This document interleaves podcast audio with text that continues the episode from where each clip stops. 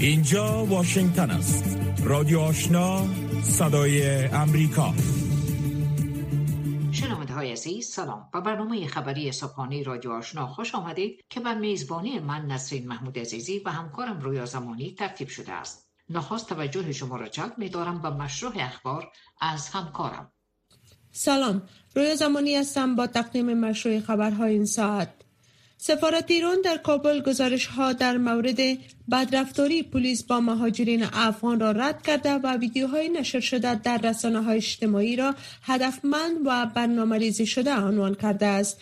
سفارت ایران روز گذشته با نشر اعلامیه گفته است که هر گونه گزارش ها در مورد بدرفتاری سازماندهی شده توسط نیروهای ایرانی در قبال شهروندان افغانستان به اساس و فاقد اعتبار می باشد. در پی حمله یک مهاجم بر سه روحانی در حرم امام رضا در مشهد که در آن دو تن کشته و یک تن دیگر زخمی شد شماری از کاربران افغان در شبکه های اجتماعی گفتند که روند اخراج اجباری مهاجرین افغان از ایران شدت یافت و شماری هم ادعا کردند که برخی از مهاجرین افغان مقیم ایران در کوچه و بازار اسای شهروندان ایران آزار و اذیت و لطوکوب شدند.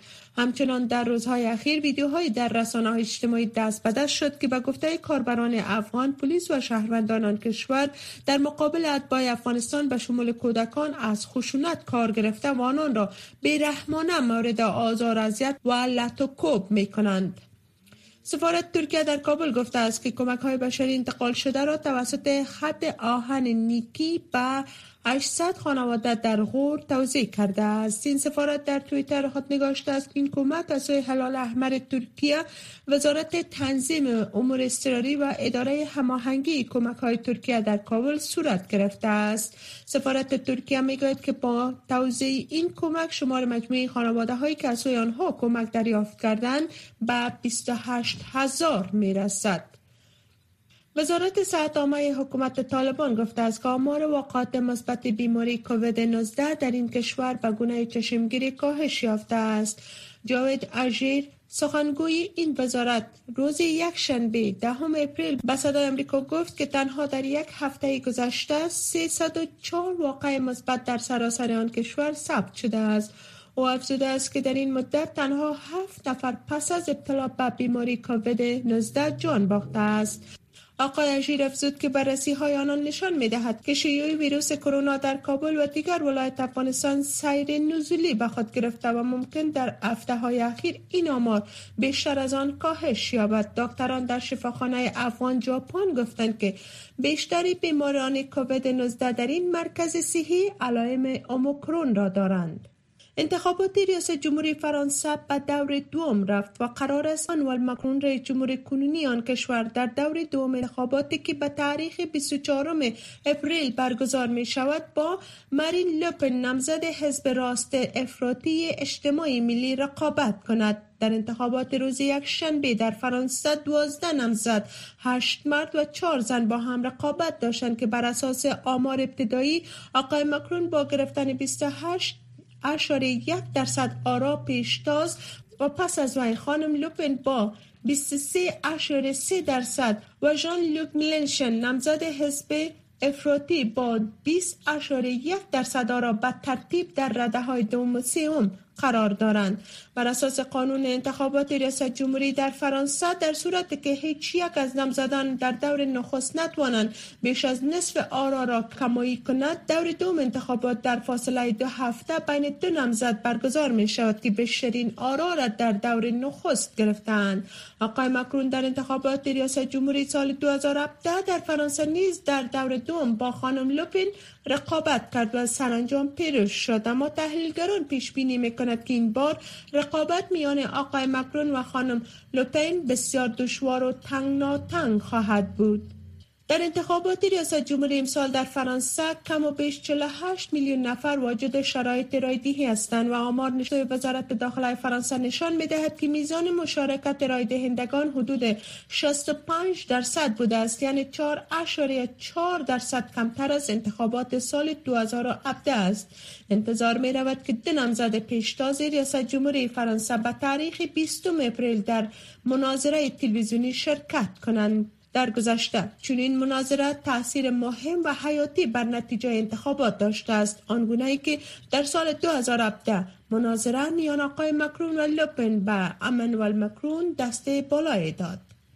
قرار است پارلمان پاکستان امروز دوشنبه بر شهباز شریف رهبر حزب مخالف حکومت رای اعتماد دهد و آقای شریف جانشین امران خان صدر اعظم مخلوع آن کشور شود. پارلمان پاکستان اوایل صبح یک شنبه به وقت محل پس از گیری با 174 رای عدم اعتماد امران خان را که تقریبا از چهار سال به این سود در کرسی صدارت ایفای وظیفه می‌کرد برکنار کرد. شهباز شریف رهبری احزاب مخالف حکومت را برای رای عدم اعتماد امران خان رهبری می کرد و سپس نمزدی خود را برای کرسی صدارت پاکستان و پارلمان آن کشور تحویل داد. انتظار می رود که شهباز شریف هفتاد ساله برنده انتخابات روز دوشنبه در پارلمان کشورش شود و به کرسی صدارت برسد.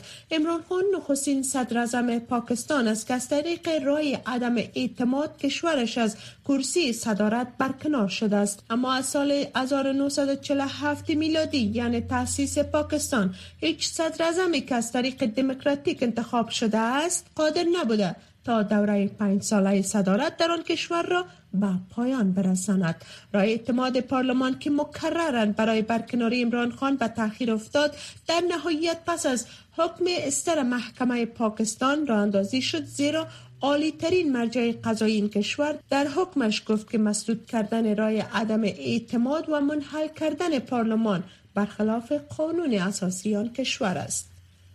جو بایدن رئیس جمهوری ایالات متحده امروز دوشنبه با نریندرا مودی صدر هند چند هفته پس از آن صحبت می کند که آقای بایدن هند را در واکنش به تهاجم نظامی روسیه بر اوکراین متزلزل توصیف کرد. جنساکی سخنگوی قصر سفید روز یکشنبه با نشر بیانیه ای گفت که رئیس جمهور بایدن از این تماس مجازی برای رایزنی در مورد پیامدهای جنگ ظالمانه روسیه علیه اوکراین و کاهش دادن به تاثیرات بی ثبات کننده این جنگ بر بر تدارکات غذایی در جهان و بازارهای امتعه استفاده می کند. هند تا کنون از محکوم کردن تهاجم نظامی روسیه بر اوکراین پهریز کرده و حتی در رایگیری در مورد قطنامه مجمع عمومی سازمان ملل متحد برای محکوم کردن تهاجم روسیه نیز رای ممتنع داد. با این حال حکومت هند گفته است که به خاطر ادعایش مبنی بر کشتار غیر نظامیان توسط قوای روسیه در شهر بوچا در اوکراین عمیقا ناراحت شده است. سرگی لوفروف وزیر خارجه روسیه که در اوایل اپریل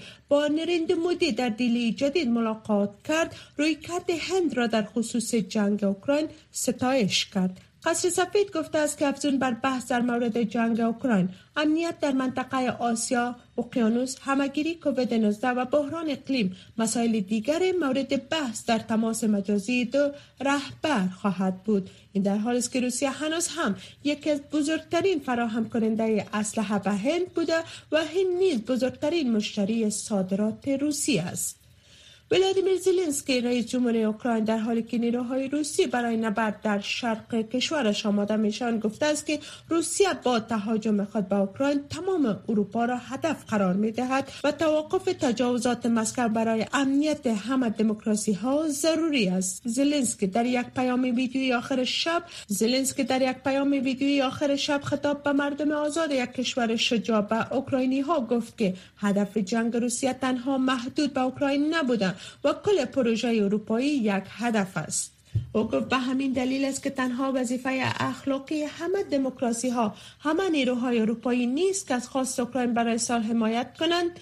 این در واقع یک استراتژی دفاعی برای هر کشور متمدن است.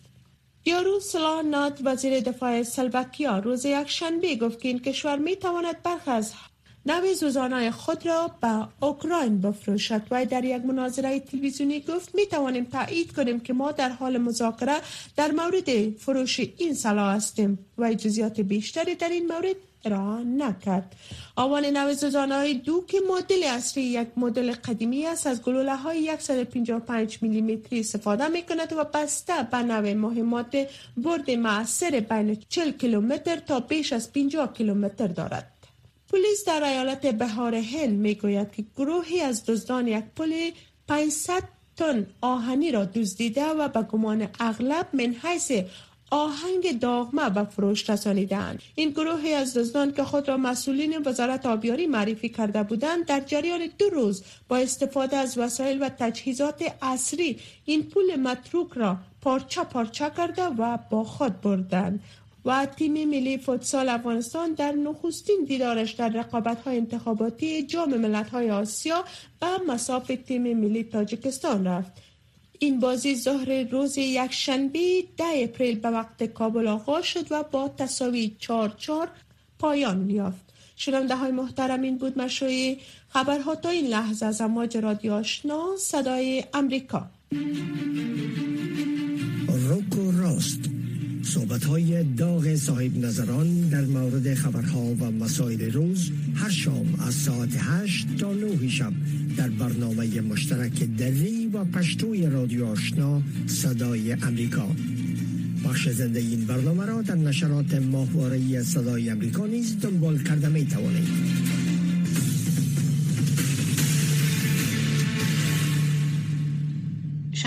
عزیز مشروع اخبار را از رادیو آشنا شنیدین؟ آن هم توجه نمایید به گزارش های صبح امروز. اعضای پارلمان پاکستان بعد از یک نشست چهارده ساعته که صبح روز شنبه آغاز شده بود پروسه ریگیری را خاتمه داد و امران خان قادر به کسب رأی اعتماد پارلمان نگردیده و از مقامش به حیث صدر پاکستان سلب صلاحیت گردید. رئیس این تصمیم پارلمان پاکستان با واکنش های مختلف احزاب سیاسی در پاکستان مواجه شده است. از جانب دیگر در حالی که پارلمان باید در ماه اکتبر جانشین خان را انتخاب کند و روز یک شنبه شهباز شریف رهبر حزب مسلم لیگ اسناد نامزدیش را برای کرسی صدارت و پارلمان پاکستان ارائه کرد. شرح بیشتر را از همکار ما ژیلا میشنوید. احزاب مخالف امران خان با دادن رأی عدم اعتماد از امران خان سلب صلاحیت کردند. رئیس مجلس نمایندگان پاکستان گفت احزاب مخالف آرای را که برای برکناری امران خان نیاز داشتند به دست آوردند حدود 174 رای در حمایت از قطعنامه مجلس برای تصویب رای عدم اعتماد امران خان داده شده که باعث برکناری او از مقامش می گردد و رای اکثریت اعضای مجلس ملی پاکستان است. امران خان که برکناری خود را از قبل پیش بینی نموده بود مخالفین را به همدستی با ایالات متحده متهم ساخته است. و از حامیان خود خواست تا در راهپیمایی ها در سراسر کشور اعتراض کنند. برای خان گزینه های محدود باقی مانده است.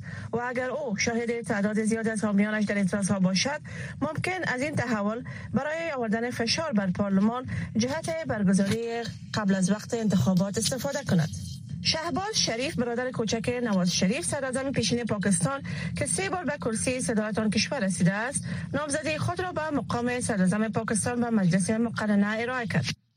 هم ما می‌خواهیم زخم ها و درد مردم کشور را التیام بخشیم. ما از کسی انتقام جویی نمی کنیم ما در برابر مردم با بیعدالتی و فشار رفتار نمی کنیم ما بدون دلیل کسی را بازداشت یا زندانی نمی سازیم حاکمیت قانون عملی خواهد شد. مخالفین دلیل برکناری ابران خان را وضعیت نابسامان اقتصادی می دانند که باعث بلا رفتن قیم در کشور شده است و ارزش پول پاکستانی از آن متاثر شده است.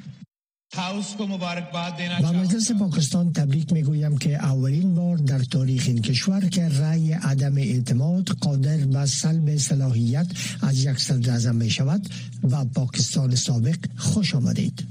در این میان شماری از حامیان حزب مخالف مردمی در جاده های شهر کراچی از برکناری امران خان از مقامش پایکوبی و جشن پرداختند و شعارهای زنده باد بوتو را سر می دادند اکثر آنها در اطراف خانه بلوال بوتو زرداری جمع شده بودند.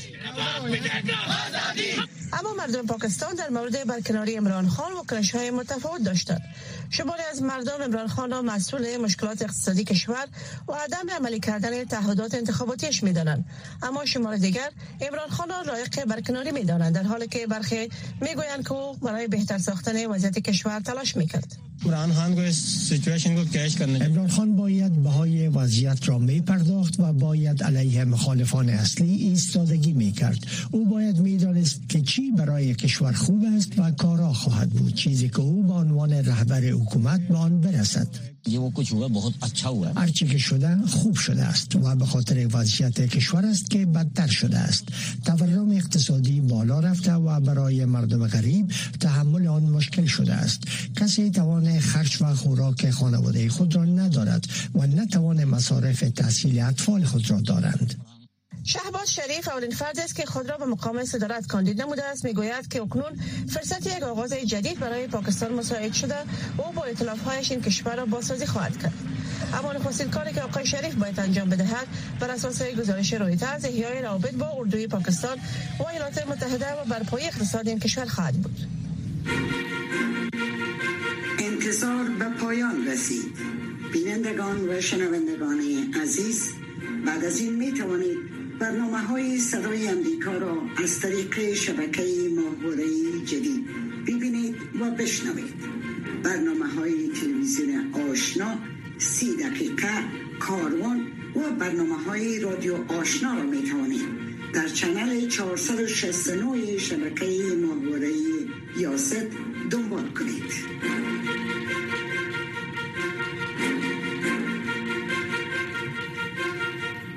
عمران خان با وجود مقاومت در برابر تلاش رقبایش از مقام صدارت برکنار گردید و حالا شهباز شریف از جناح رقیب نامزد صدارت پاکستان است آیا با برکناری عمران خان و انتخاب صدر جدید بحران سیاسی پاکستان به پایان می رسد؟ صدر جدید چقدر در احیای رابط اردو و رهبری ملکی می تواند مؤثر عمل کند؟ برای بررسی و تحلیل این موضوع همکار ما محمد احمدی مصاحبه با آقای احمد سعیدی دیپلمات پیشین افغانستان در پاکستان و تحلیلگر امور سیاسی صحبت نموده که با هم میشنویم. شهباز شریف آنچه را می‌خواست به دست آورد و امران خان توسط رأی پارلمان برکنار شد. شانس آقای شریف برای تصدی صدارت اعظمی که فردا صحبت میشه و رأی گیری میشه چقدر هست؟ آیا با برکناری امران خان بحران سیاسی در پاکستان ادامه خواهد یافت یا پیروزی شهباز شریف می‌تونه پایان برای این بحران سیاسی باشه؟ در تاریخی هفت دهه پاکستان اولین نخست وزیری است که به آرای پارلمان سر به سمیت بشه. نخست وزیرهای سابق یا کودتا شده علیش یا طوری دیگری رو بکشته دوم سواز شریف کسی است که نه نخست وزیر نبوده بلکه سه دوره وزیر علای پنجاب بوده. برادرش نواز شریف سه دوره تاج ازم بوده که حال مریض است. عمران خان که حال شده متهم است که البته امروز من ورودیش اعلان شده متهم است به اینکه کمک کرده تا پارلمان غیر قانونی نکشه تشویش کرده طرفدارای خود را اعضای خود را به خاطر سپرداز فیصله های محکمه. و همچنین متهم است که دو مرتبه جلسه کشورهای اسلامی و آیسی را دایر کرده. اونهای همگفتی را بگیر مشوره پارلمان مصرف کرده به خاطر ناویگری برای پارلمان بنان عمران خان رئیس سابق مجلس پاکستان آقای اسفوری آقای سوری معاون و رئیس جمهوری پاکستان آقای علوی و آقای قریشی متهم هستند که باید به دادگاه بروند.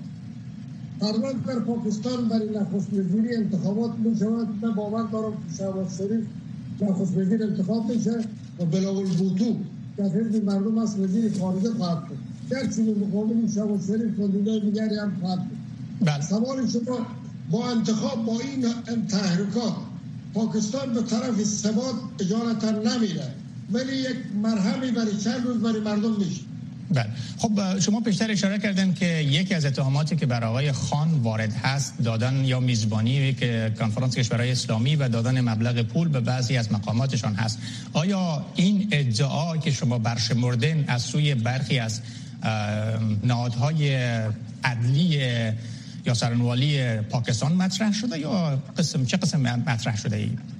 بله این بر علاوه نهادهای استخباراتی از طرف نهادهای ادلی به خاطر اتهام عمران خان و چنانچه عمران خان امروز ممنون خروج شد. یعنی مکتوبی به تمام میدان های هوایی پاکستان که عمران خان بیرون شده نمی‌تونه از کشور. و همچنین رئیس پارلمان و معاون پارلمان هم تحت نظارت در خانه خود شدن. به این خاطر میگن که اینا در چهار ماه دو مرتبه کشورهای اسلامی را جلسهشون دایر کردن کشورهای اسلامی یعنی آیشی را دایر کردن. ولی گفته میشه که به دو خب بگیری حداقل یک لک دلار توفه دادن که به طالبان رو بگیری کنن خب آقای شریف گفته که فرصت یک آغاز شدید برای پاکستان مساعد شده و این کشور را با هم ائتلافان خودش بازسازی می‌کنه.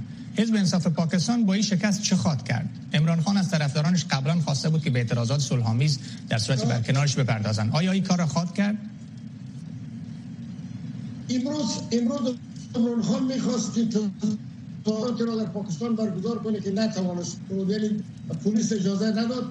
و فردا عمران خان وعده کرده که یک اسنادی را به خاطر مداخله امریکا افشا می‌کنه. به هر صورت سیاست نواز شریف بعد از سیاست عمران خان در آخر سیاست ضد امریکا و سیاست نواز شریف امریکا محور خواهد بود. بعد نخستین کاری که شهباز شریف در خلال این بحران سیاسی لازم است انجام بده فکر می‌کنین و می‌خوای انجام بده چی است؟ باید یک عفی عمومی اعلان کنه و یک همین چون یک کابینه تلوفی است مجبور است از چندین حزب وزرا رو تعیین کنه من فکر می‌کنم که مشکلی که در افغانستان بود افغانستان طالبان دو لاوی قوی داشتن یعنی آقای قریشی و آقای عمران خان اجالتا طالبان دو لاوی دو لاویگر قوی خود از دست میدن. نواز شریف یا شریف فرصتی تا چهار پنج نداره که به قضای افغانستان و منطقه برسه. اجالتا می‌تونه که مسئول سیاست های داخلی باشه و روابطی که حالا با امریکا با افغانستان با موجودیت امریکا ایران و تار شده پس اون رو ترمین کنه و همگرایی به امریکا پیدا کنه و کمکی اندکی فشار امریکا از روسیه و چین فاصله بگیره.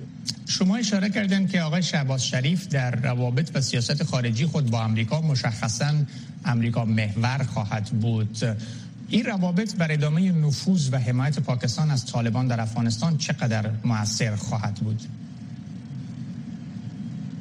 ببینید عمران خان و آقای قریشی خیلی به خاطر طالبان تلاش کردن در سطح ملی بین‌المللی اما مصلحت به امریکا نداشتن. خود می‌کردن این کار بدون امریکا حالا بعد از این نواز شریف هر سیاستی رو که در, در افغانستان ببره پیش ببره بدون شک باید اشارات از امریکا داشته باشید نواز شریف به خوبی به خوبی به درستی می‌فهمه که وقتی که عمران خان علیه امریکا شعار داد و گفت که به قربانی هستم مانند امام حسین.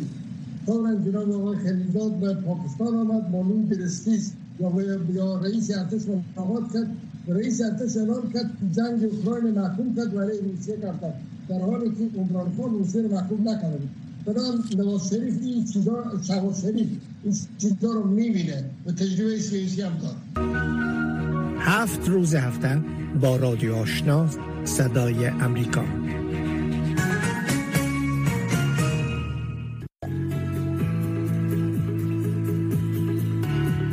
صدا و نظریات شما در مورد مسائل سیاسی اقتصادی فرهنگی اجتماعی و صحی از ساعت ده تا دونی شب در برنامه مشترک دری و پشتوی رادیو آشنا صدای امریکا.